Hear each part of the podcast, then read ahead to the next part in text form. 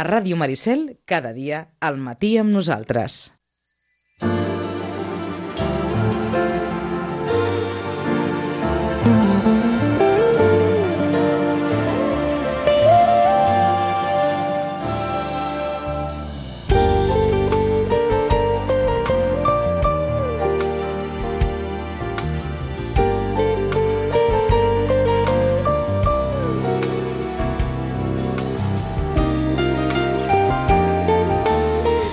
Suport de la representació de la Comissió Europea a Barcelona, la Diputació de Barcelona, l'Oficina del Parlament Europeu a Barcelona, l'Ajuntament i la Generalitat de Catalunya, benvinguts a una nova edició de l'Hora d'Europa.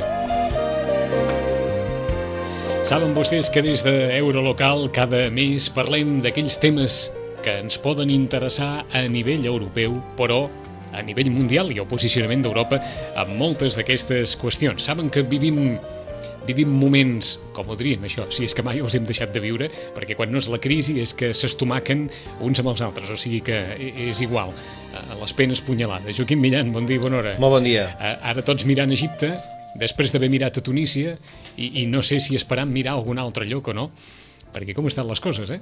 Realment estan complicades, per, per, jo crec que sempre Europa amb aquests temes reacciona tard, i en aquest cas també haig de dir que tampoc eh, que habitualment ens té acostumats, vull dir, de refet, vull dir, hi ha hagut eh, una, una reacció per part de la Unió Europea més ràpida que en altres, en altres ocasions, però tímida, és a dir, no ens acaba de convèncer com els ciutadans. És a dir... Ha estat interessant aquesta precisió. En Joaquim diu tard, però no tan tard com, com d'habitud, per dir-ho així. Eh? Exacte. El que passa és que pels ciutadans això és tardíssim. Clar, clar. És tardíssim. I, I a més vull dir perquè la ciutadania europea en aquest tema, justament i especialment a casa nostra, a Espanya ho veiem molt proper, tenim moltes relacions, s'estableixen moltes relacions amb aquest espai euromediterrani, que en diem, un espai que ens interessa a nosaltres també des de Catalunya, en tant en quant tenim també la secretaria Secretaria per la, per la Mediterrània de la Unió Europea, que també està en crisi perquè el seu secretari general ha plegat, i tot un seguit de qüestions que com a ciutadans també ens preocupen, no? i poder hi ha una...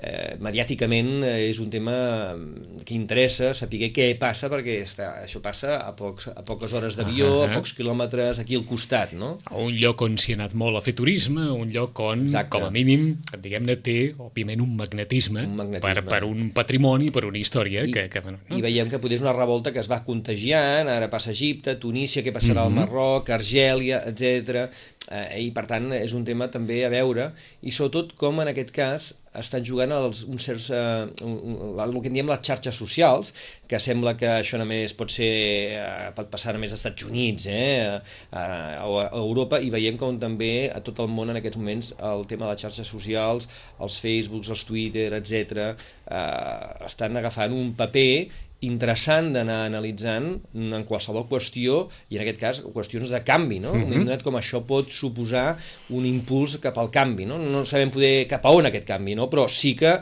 canviar el que, el que en aquest moments sabem i coneixem. Doncs començarem precisament per aquí, perquè el nostre enfocament inicial vindrà des de dos testimonis a l'àmbit eh, periodístic. Saludem per començar a Fernando Navarro, periodista freelance establert a París, però que dona voltes, dona voltes per tot arreu, sobretot eh, analitzant les qüestions relacionades amb Europa, però des d'un punt de vista, diguem-ne, que no tan oficialista com estem acostumats. Fernando Navarro, buenos días. Buenos días, bon dia, desde París. En París está está todo un poco revuelto también, ¿no? Pues sí, claro. por por aquellos que aquellos que se fueron de vacaciones por Navidad pensando que eran unas vacaciones muy bonitas, que las pagaba Mubarak y ahora y ahora qué? Pues ahora que, que tienen no tienen más remedio que reconocer que o la población no tiene más remedio que asumir que sus gobernantes siguen tratando a, a los países del norte del Magreb em, de, perdón, de África como el patio trasero que, que, que, que siempre que siempre han considerado ser eh, eh, los, eh, los gobernantes de los países europeos. Ese es el problema. El, doble rasero que hay entre, entre los discursos oficiales, aquí en Francia además se nos llena siempre la boca de, derechos humanos, y, pero, pero luego los intereses, los intereses patrióticos, por así decirlo, son, son siempre, desgraciadamente, se, dan de bruces con la con, con la democracia y los derechos humanos en, en, el Magreb. Vamos a hacer una pequeña extrapolación. Supongo que Mubarak debería pagar los viajes de alguien más en 30 años en el poder, ¿no? Efectivamente, eso es lo que todavía queda por saber.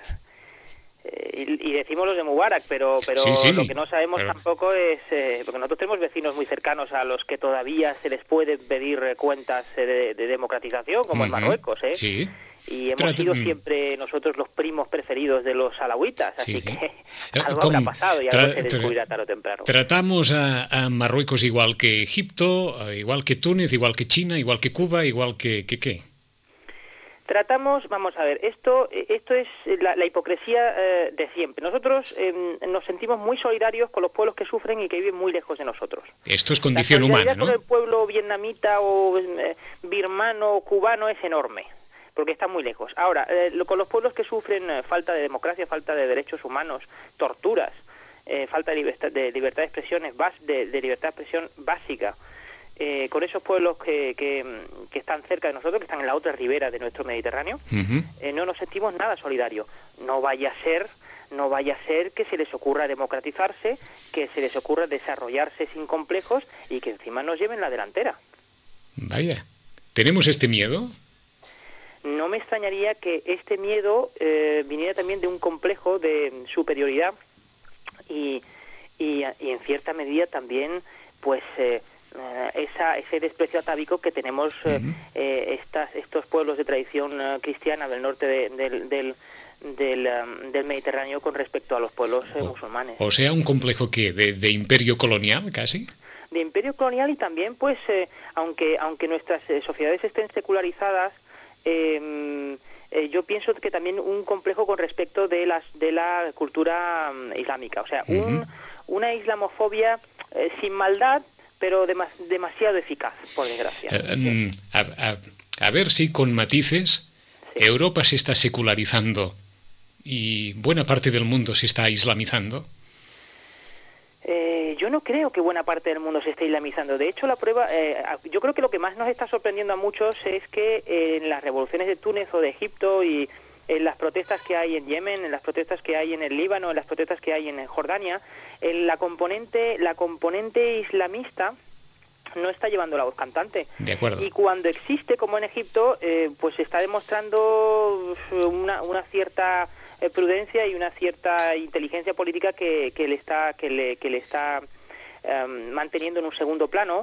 Yo no creo que sea eh, con mala fe, sino porque han entendido que con el con el ejemplo de Turquía en la mano han entendido que, que no hay probablemente régimen que garantice más eh, la pervivencia de los de lo que serían los valores del, islamismo moderado que la democracia. Mm.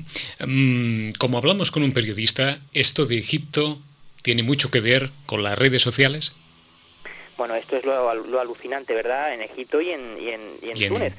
yo como periodista he estado muy... muy eh, yo he vivido, porque además aquí en país tenemos muchos amigos eh, tunecinos, eh, argelinos, egipcios, eh, aquí hemos vivido la cosa con mucha, mucha intensidad, con mucho, con apasionamiento y con incluso a veces lágrimas en los ojos, eh, las noches, eh, las noches más importantes. Pero, pero los periodistas lo hemos vivido también con un grado de, frustración muy particular y muy inesperado, y es que nosotros no servíamos entonces para nada. en los momentos cruciales, nosotros los periodistas no estábamos más que eh, ejerciendo de espectadores igual que cualquier otro porque eh, la revolución nos la estaban nos la estaban radiando por así decirlo en directo a través de Facebook a través de, Twitter de, de, la, de, YouTube y, y lo, único que hacíamos nosotros en un primer momento era retranscribir tratar de, de darle eh, de darle mm, correa al asunto a través de nuestros de nuestras redes también pero no no no éramos nosotros ni los que descubríamos ni desvelábamos la noticia ni los que la difundíamos en primicia. O, sea que el, periodista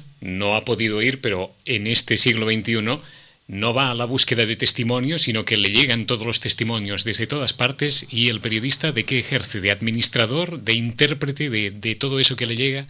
Claro, lo que tienen que tratar es de ponerse en la pieza cerrada, como decía el escritor, eh, eh, el escritor em, eh, israelí Amos Oz lo, que tiene que hacer es cerrar los ojos y abrirlos dentro de los ojos de los demás.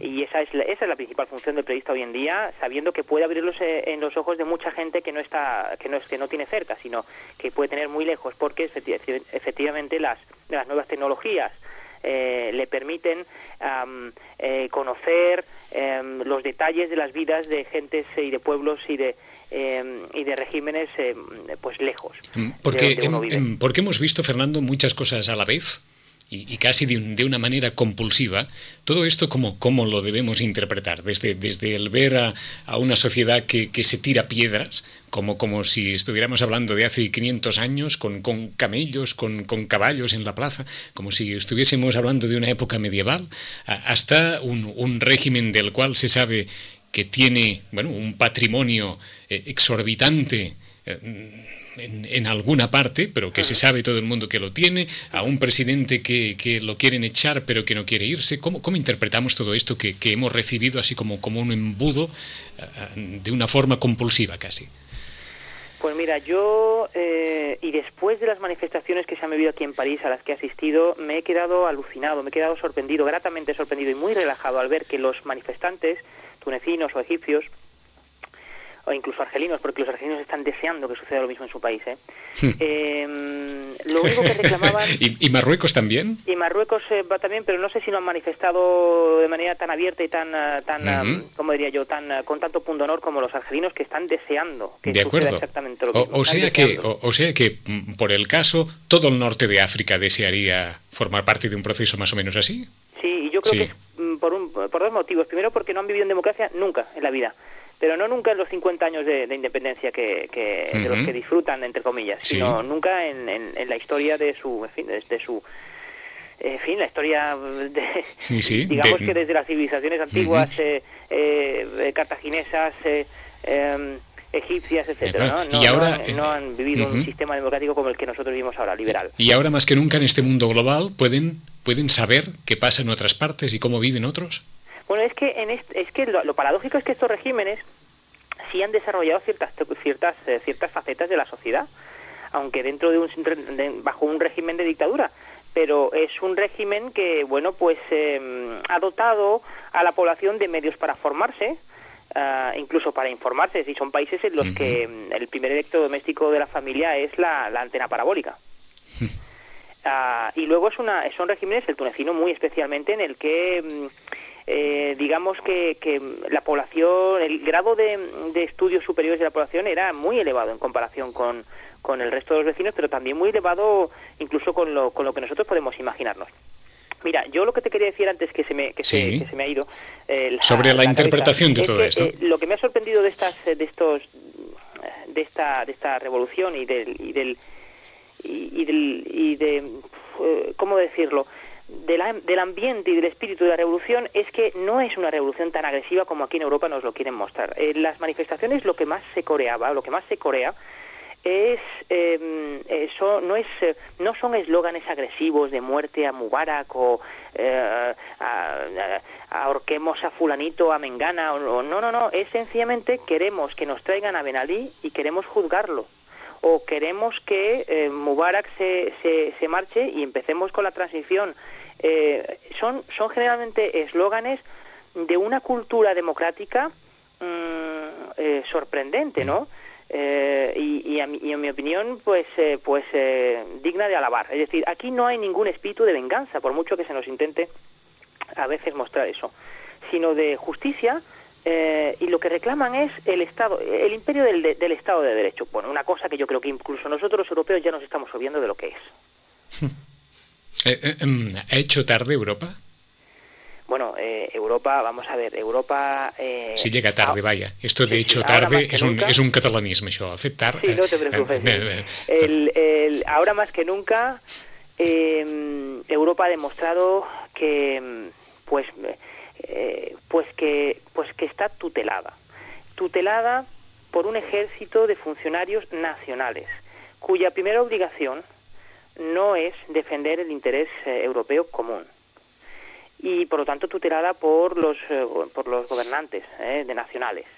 Y Catherine Ashton no ha hecho otra cosa que mm, seguir el guion marcado. Pues yo no he visto de la misma manera que no he visto a Catherine Ashton realmente exigir eh, pues eh, una transición lo más rápido posible y, sobre todo ponerse en la piel de los que de los que de los manifestantes en Egipto y en y en, y en Túnez que además los manifestantes insisto es que son los que están poniendo los muertos encima de la mesa. O sea que no es que no son los que están provocando realmente pues pues eh, tragedias y, y, y, pérdidas de vidas humanas y sin embargo Aston se, se limita a exigir que haya calma, que, que las cosas se hagan sin, sin demasiado eh, tumulto.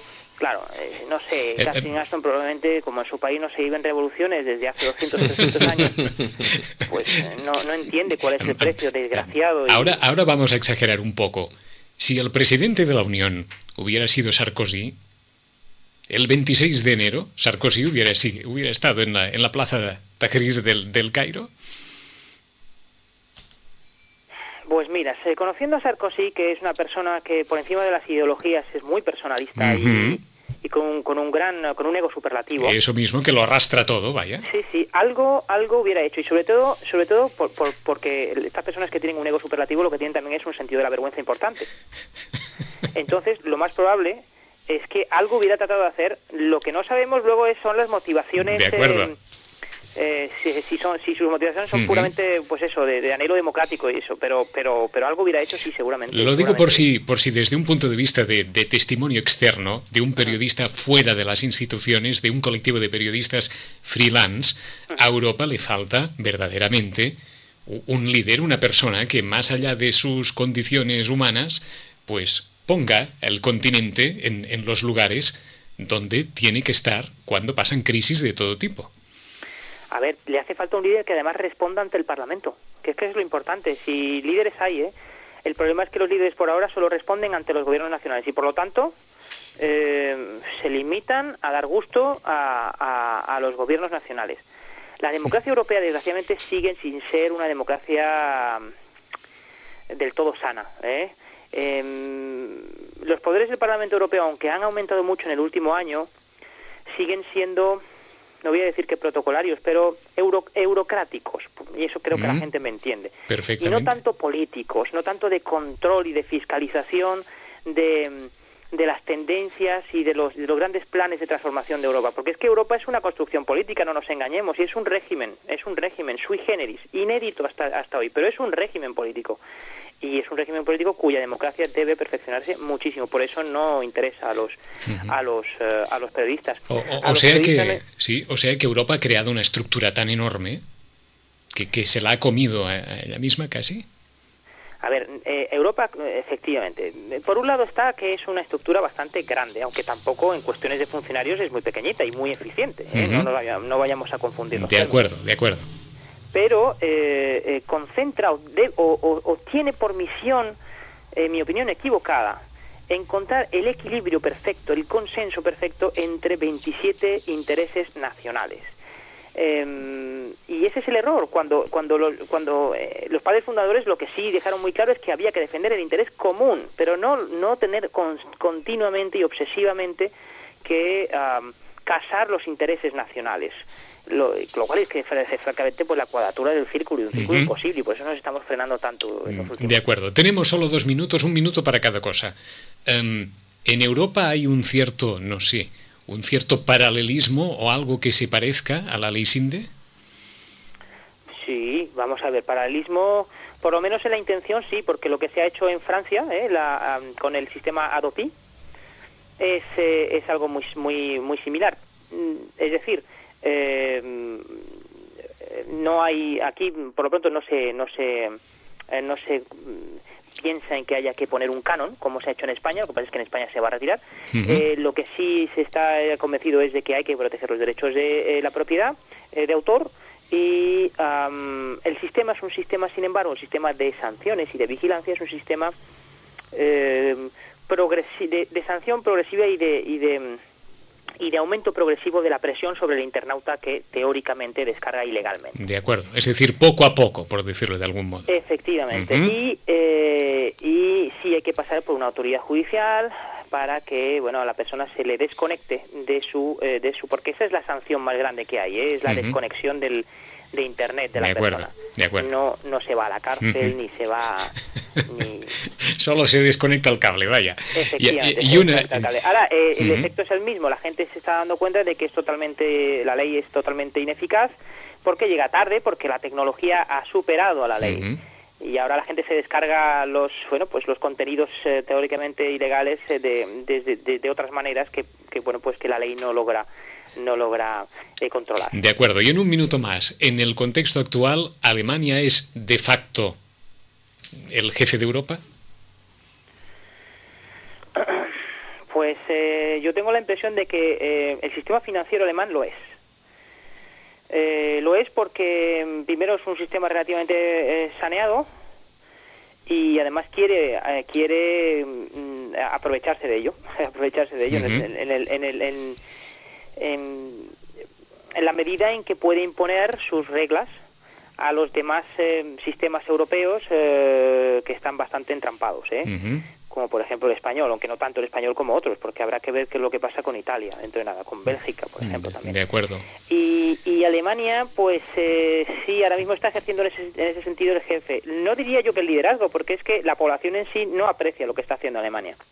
Ujú. Así que ese es el jefe, no es el líder. No sé cómo aparecerá esto en los libros de historia De acuerdo. con los años. Uh, www.europa451.es Aquest és el web que aplega d'alguna forma aquest col·lectiu de periodistes freelance. Hem parlat amb Fernando Navarro. ¿Le debe gustar Truffaut a Fernando Navarro? Sí. Sí, ¿eh? Europa451.es. Fernando Navarro, gracias por estar esta mañana con nosotros. Te saluda Joaquín Millán. Muchas gracias, Fernando. Joaquín, un saludo, un abrazo. Igualmente. Hasta la próxima. Adiós, buenos Hasta días. pronto, hasta luego. Hasta luego.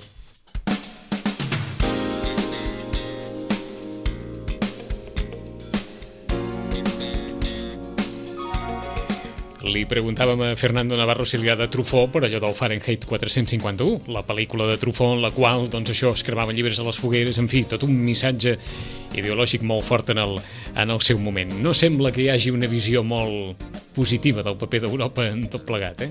La veritat és que no, jo també penso que la, cada vegada som també més crítics i no ho dic d'una manera negativa, sinó eh, crítica constructiva i possiblement perquè els que ens creiem que això de la Unió Europea té un sentit volem que realment eh, aquest sentit també tingui contingut i per tant demanem contingut al paper de la Unió Europea en aquestes crisis. No? Uh -huh. I de Fernando Navarro, un altre periodista. Aquí li agraïm d'entrada molt que hagi fet un encaix en una agenda bastant atabalada avui, tot i que l'agenda pot ser atabalada avui, segur que quan estava al Caire l'agenda encara era més atabalada. Carme Colomina, bon dia i bona hora.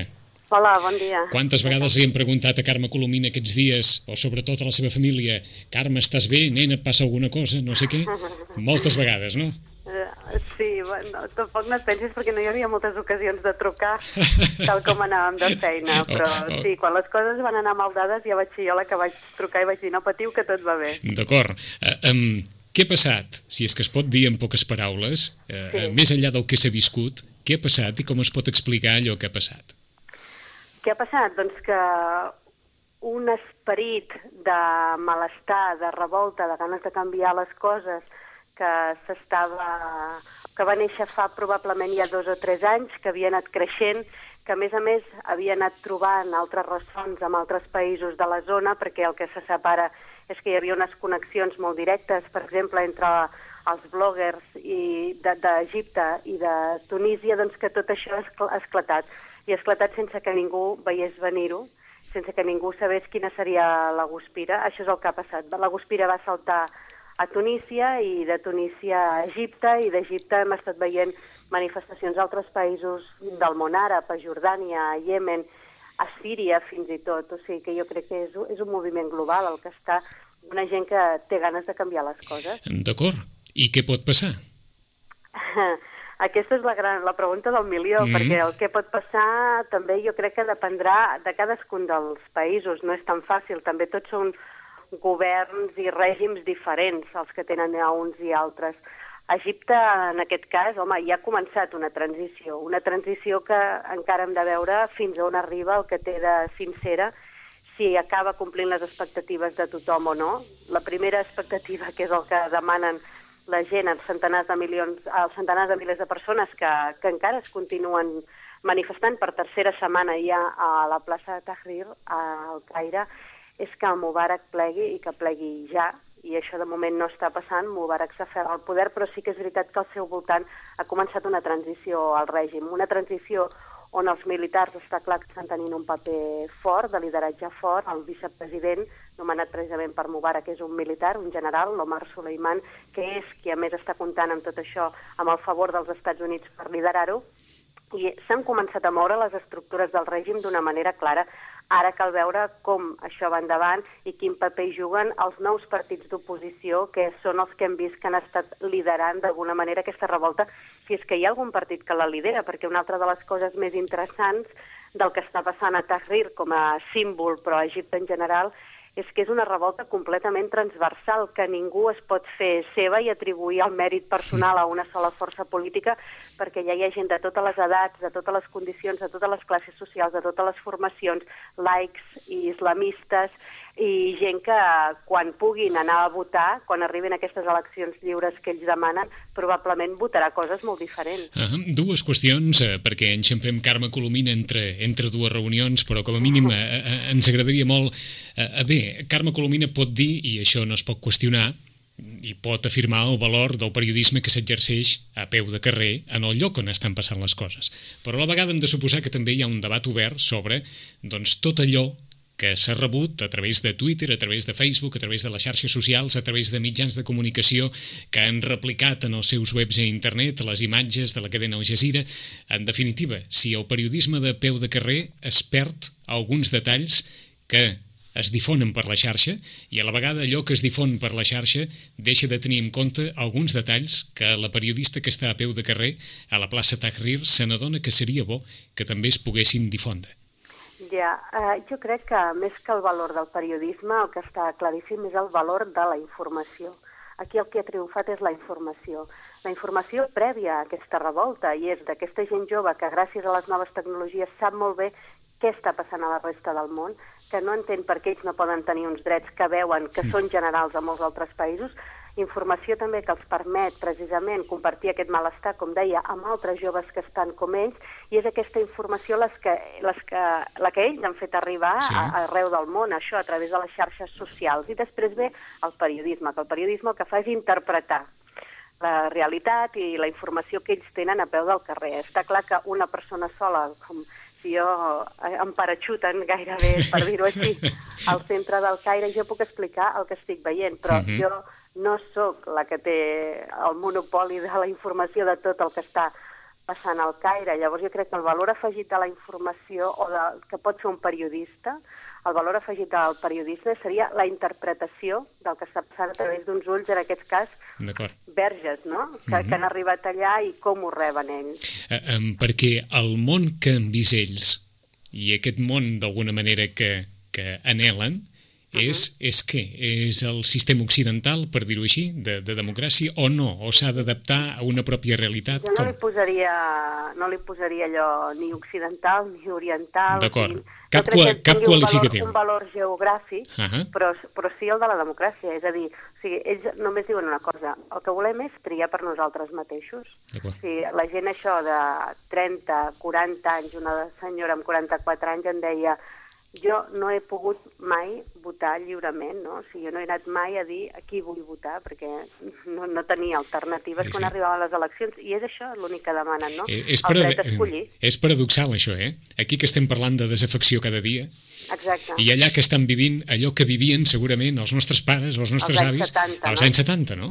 Sí, és que, que és, és el problema, no? que ens oblidem a vegades el que ens ha costat aconseguir les coses i un cop les tens ja com adquirides ja no li dones el valor que tenen. D'acord. Una qüestió final, Carme, des del punt de vista internacional. El paper sí. dels Estats Units eh, molt sovint s'ha fet referència a una, fa una frase de Kissinger que no repetirem aquí, sobre Hosni Mubarak i aquesta relació amb, eh, amb Nord-Amèrica, amb el govern americà, i si d'alguna manera aquests 30 anys de Hosni Mubarak al poder també han vingut alimentats o amb un coixí molt bonic de, dels Estats Units i el paper d'Europa, de la Unió Europea, en, en sí. tot això. Doncs eh, jo crec que està claríssim. O sigui, Mubarak és el que és precisament per, i s'hi ha durat 30 anys per les seves relacions eh, internacionals amb els governs occidentals. Amb els Estats Units tenia una relació privilegiada perquè per alguna cosa és un dels primers receptors d'ajuda militar dels Estats Units en tota la, la seva història i, de fet, Egipte té un dels exèrcits més potents del món gràcies a aquesta ajuda, està entre els 10 primers exèrcits del món gràcies a l'ajuda que rep sobretot dels Estats Units, després també en altres altres nivells de la Unió Europea, però sobretot dels Estats Units, i també era el gran aliat d'Europa, perquè ell ha venut això, això que continua venent ara encara quan surt, que sóc jo el caos, ell sí. ha estat venent fins ara que ell era la garantia d'estabilitat, a més a més, i sobretot a partir dels acords de pau amb Israel, se'l uh -huh. considera que, que és un soci privilegiat pel que garanteix estabilitat també en aquest procés de, de pau al Pròxim Orient. I és això el que l'ha mantingut viu durant 30 anys, viu i, i amb força del, del seu règim. I en aquest cas, ja per acabar, si em demanes el paper de la Unió Europea, lamentable, va anar tard i, i sé que és un programa que parleu d'Europa mm -hmm. i en el que jo he participat i, i ja sabeu que, Sí, sí, sí. que són els meus temes, però és veritat, o sigui, a Tunísia es va reaccionar tard i malament i a expenses una mica allò a la roda del que fes França i en el cas d'Egipte totalment s'ha estat pendent del que feien els Estats Units. És els Estats Units qui ho ha liderat i fins i tot quan hi ha hagut una reacció europea no ha estat una reacció institucional europea de la responsable d'Afers Exteriors de- d'Europa, de, la Catherine Ashton, Sí. sinó que ha estat una reacció d'alguns governs europeus amb un comunicat que era calcat el que havia fet els Estats Units el dia abans. Eh, Hem fet una certa extrapolació exagerada abans quan parlàvem amb Fernando Navarro, però li plantegem a Carme Colomina per acabar la mateixa qüestió. Eh, deixant de banda i qüestionant el caràcter del, del personatge, Mm. si Nicolas Sarkozy continués sent president de la Unió Europea, el 26 de gener s'hagués plantificat a la, a la plaça Tahrir? No, No, en absolut. en absolut. Perquè si una de les coses que queden més clares són les vinculacions precisament de, del govern francès amb Mubarak i ahir mateix hi va tornar a saltar la polèmica per Sí. aquestes vacances privades de Nadal que havia fet el primer ministre Mhm. François Fillon amb la seva família eh, precisament eh, amb despeses pagades pel règim de Mubarak O i n'hi ha sigui, hagut altres. o sigui que Sí creus no. que tenia més a amagar que no pas a, a presentar-se allà i exigir el que sigui, encara que fos mig soci, d'acord? A, a veure, uh, per començar, Nicolás Sarkozy és en aquest moment president de la Unió per Mm. la Mediterrània i el copresident és Hosni Mubarak, eh? no ho oblidem. Mm? Doncs val la pena assenyalar-ho, a aquestes alçades. Carme Colomina, gràcies per estar aquest, aquest matí amb nosaltres i per haver dedicat doncs, aquests minuts entre, entre una agenda apartada amb una història que deu haver repetit la Carme com a 50 vegades des que no, va que posar no, els veure. no em cansaré, no em cansaré de repetir-la. T'ho agraïm molt. Et saluda en Joaquim Millan, Carme. Moltes gràcies, gràcies Carme. a vosaltres, Adéu-siau, eh? Bon dia. gràcies. Adéu-siau, bon dia. Adéu, bon dia.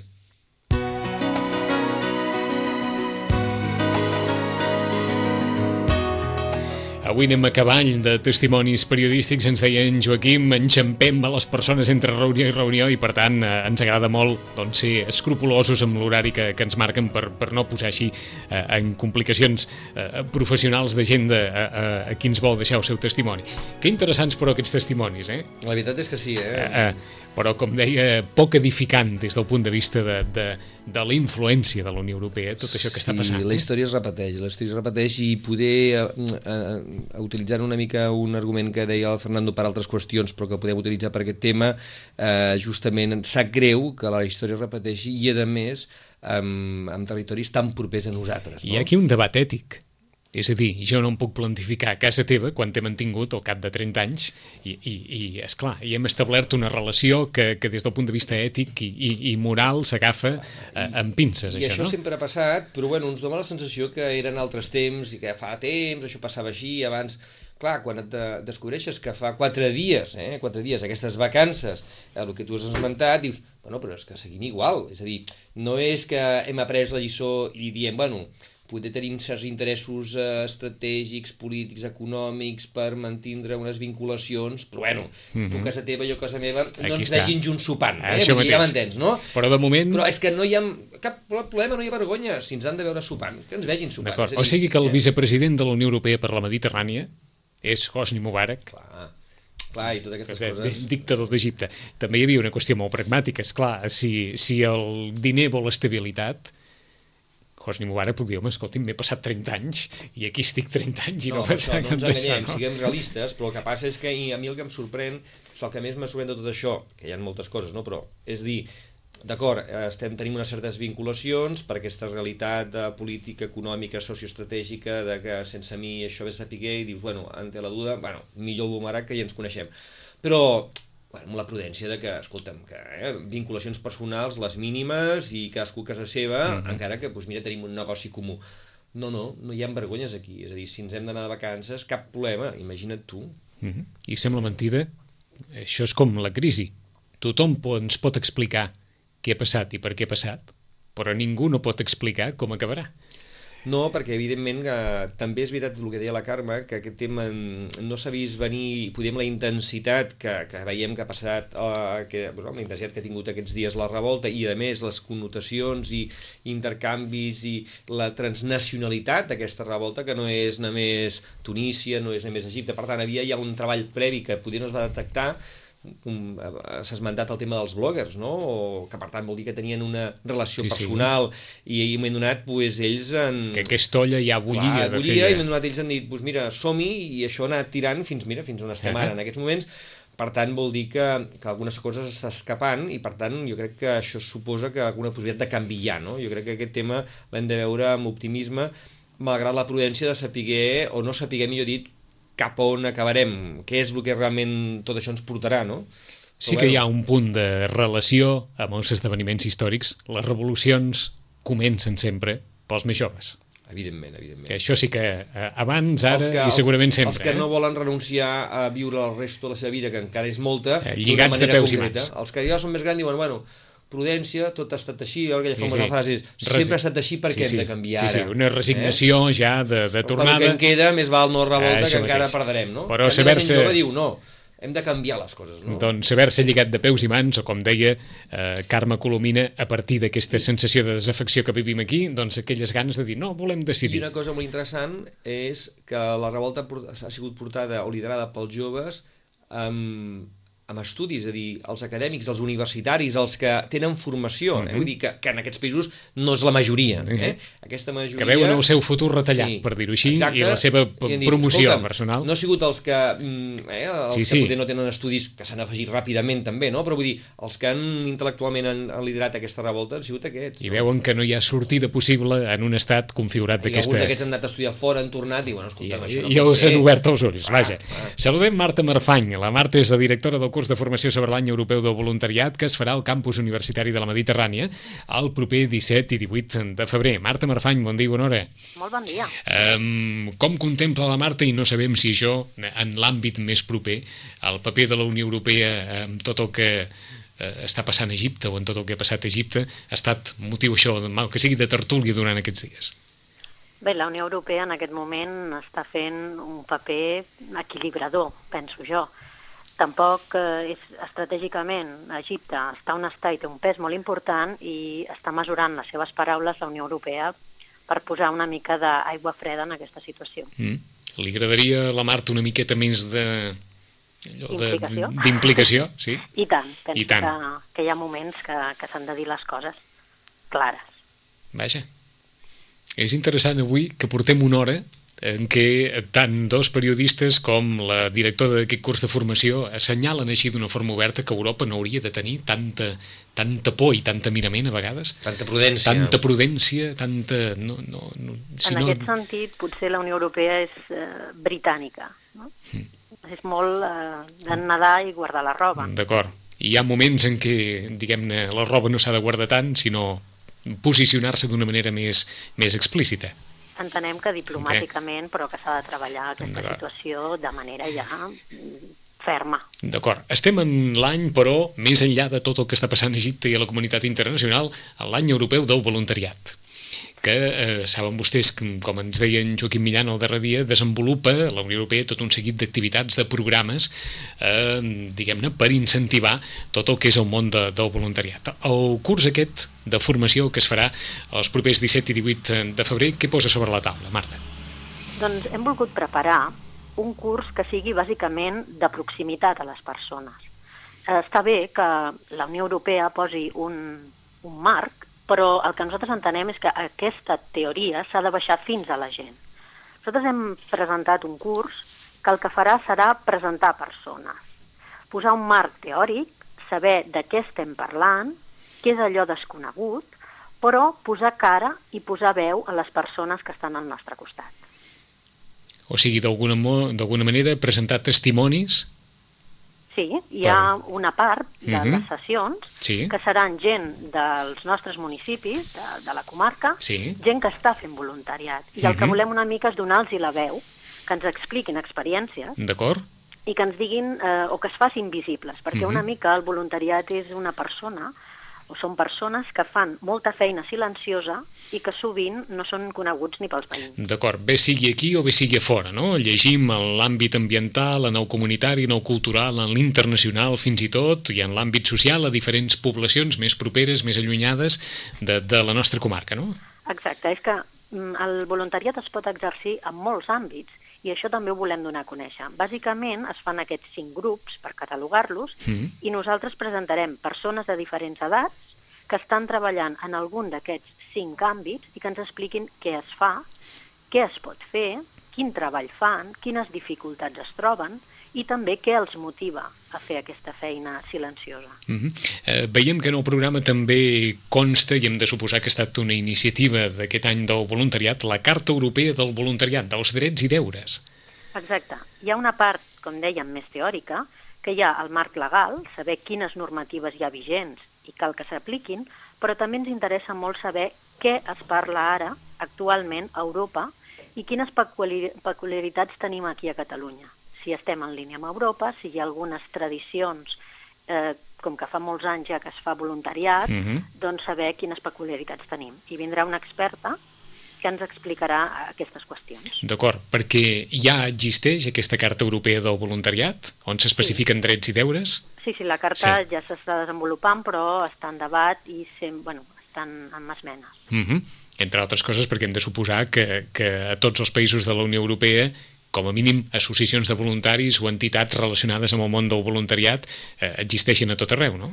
Sí, sí, és, és que és una marea, diguéssim, que, que està a tot arreu, a tots els municipis, a totes les poblacions, països, i um, el que volem és veure quines peculiaritats comunes tenim i particularitats. Mm. Llavors, eh, evidentment, la Unió Europea té interès en que se'n parli, se'n faci difusió i es debati sobre la qüestió dels 27. Eh, fins, a, fins a quin punt mm, hi ha una certa eh, estadística d'entitats de, de, de voluntariat a Europa? Quantes en poden ser, quantes no? O, o precisament l'any europeu del voluntariat també el que vol eh, és d'alguna manera registrar associacions de voluntaris, tenir constància de, de totes aquelles persones que exerceixen el voluntariat a l'Unió? És que les entitats eh, realment sí que estan registrades. Uh mhm. -huh. Eh, tant a Catalunya hi ha un registre, a la Generalitat, on eh, totes, de qualsevol municipi, s'han de registrar. Això eh, fa que tinguem una base de dades actualitzada i, a més a més, doncs, poden optar subvencions i a uh mhm. informació de divers àmbits. Mal que sigui, Marta, problema... per, mal que sigui, Marta, per una qüestió d'estatuts, de, les associacions de voluntaris han de tenir uns estatuts? Sí, sí, sí. Sí, eh? per això, eh, d'acord. D'entitat ha d'estar registrat amb estatuts i uh mhm. -huh. normativament mm, correcte. D'acord. La qüestió és quan hi ha gent que està fent voluntariat sense estar adherit a cap eh, associació. Aquí, de vegades, venen els problemes. D'acord, perquè també consta que hi ha gent que exerceix el voluntariat sense estar adherit a cap associació? Sí, sí. existeix, però de fet és incorrecte. I això és una de les qüestions que també al curs ens explicaran. Mm. Una de les persones ponents és la presidenta de la Federació Catalana del Voluntariat Social sí. i ella ens ha, insistit en que cal explicar coses perquè hi ha persones que estan exercint voluntariat de manera altruista i de bona fe, sí. però ni tan sols tenen una cobertura d'assegurança que això, si tenen algun fet, alguna desgràcia, algun accident, se'ls hi pot girar fins i tot a la contra. D'acord.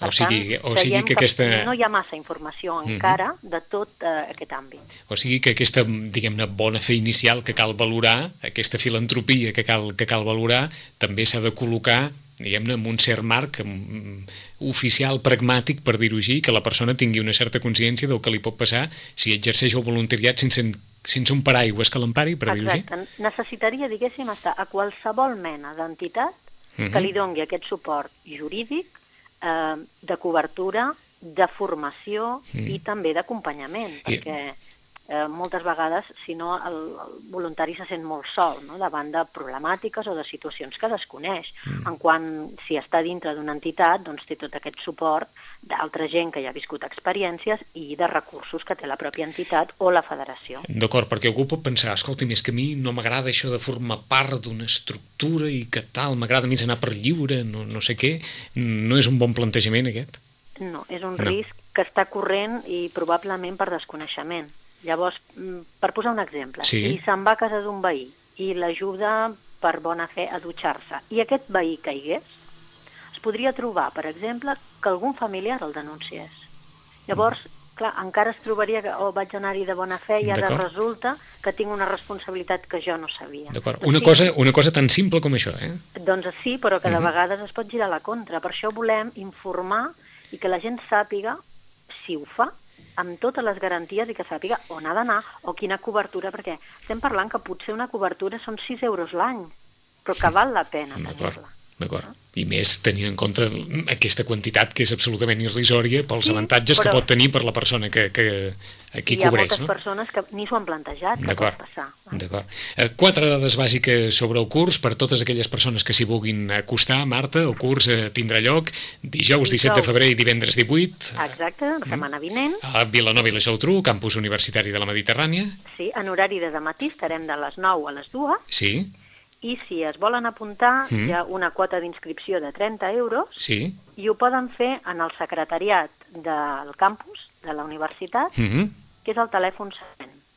93 814 04 40, ho repetiré, Sí, 93 814 04 40, o bé entrant a la pàgina web Mhm. de Campusmet, de Campus Mediterrània.net, Eh, que és- de Tarragona final. Ah Marta Marfany, gràcies per estar aquest matí amb nosaltres. Eh, us saluda Joaquim Millan. Moltes gràcies, Marta. Gràcies a vosaltres Adéu, bon i dia. també a Que- Ràdio Maricel. Moltes bon gràcies dia. i que vagi molt bé el curs. Adéu-siau. A reveure. Joaquim, gràcies. Fins la propera. Matí complet avui amb tot una, anava a dir, un ventall, eh? un rosari de testimonis a l'entorn del context actual i el paper de la Unió Europea. Tornem en 5 minuts. Fins ara.